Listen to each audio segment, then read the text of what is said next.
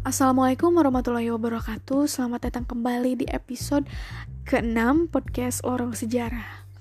Kali ini kita akan membahas mengenai perlawanan rakyat Riau angkat senjata. Untuk itu kita langsung saja simak informasinya. Ambisi untuk melakukan monopoli perdagangan dan menguasai berbagai daerah di Nusantara terus dilakukan oleh VOC. Di samping menguasai Malaka, VOC juga mulai mengincar Kepulauan Riau. Dengan politik memecah belah, VOC mulai berhasil menanamkan pengaruhnya di Riau. Kerajaan-kerajaan kecil seperti Siak, Indragiri, Rokan, dan Kampar semakin terdesak oleh pemaksaan monopoli dan tindakan sewenang-wenang dari VOC. Oleh karena itulah, beberapa kerajaan mulai melancarkan perlawanan. Salah satu contoh perlawanan di Riau adalah perlawanan yang dilancarkan oleh kerajaan Siak Sri Indrapura. Raja Siak, yakni Sultan Abdul Jalil Rahmat Syah, memimpin rakyatnya untuk melawan VOC. Setelah berhasil merebut Johor, kemudian ia membuat benteng pertahanan di Pulau Bintan. Dari pertahanan di Pulau Bintan, Pasukan Sultan Abdul Jalil mengirimkan pasukan di bawah komando Raja Lela Muda untuk menyerang Malaka. Dalam suasana konfrontasi dengan VOC itu, Sultan Abdul Jalil Rahmat Syah wafat. Sebagai gantinya, diangkatlah putranya yang bernama Muhammad Abdul Jalil Muzaffar.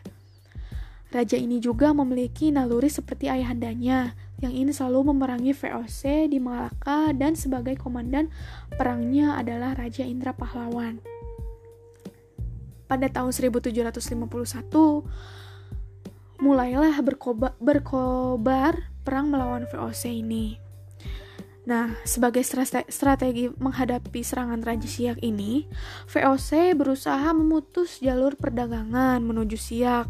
VOC mendirikan benteng pertahanan di sepanjang jalur yang menghubungkan Sungai Indagiri, Kampar, sampai Pulau, Pulau Guntung. Yang tepatnya berada di muara Sungai Siak. Kapal-kapal dagang yang akan menuju Siak ditahan oleh VOC.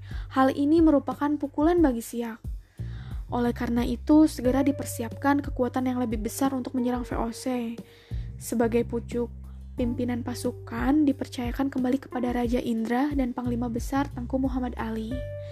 Dalam serangan ini diperkuat dengan kapal perang Harimau Buas yang dilengkapi dengan lancang serta perlengkapan perang secukupnya. Nah, dari sinilah mulai terjadi pertempuran sengit di Pulau Guntung pada tahun 1752 sampai 1753. Dengan demikian, pasukan Siak sulit menembus benteng pertahanan. Namun banyak pula jatuh korban sehingga VOC harus mendatangkan bantuan kekuatan termasuk juga orang-orang Cina. Sementara itu, VOC terus mendatangkan bantuan melihat situasi yang demikian. Panglima Perang Siak menyerukan pasukannya untuk mundur kembali ke Siak. Sultan Siak bersama para panglima dan penasihat mengatur siasat baru.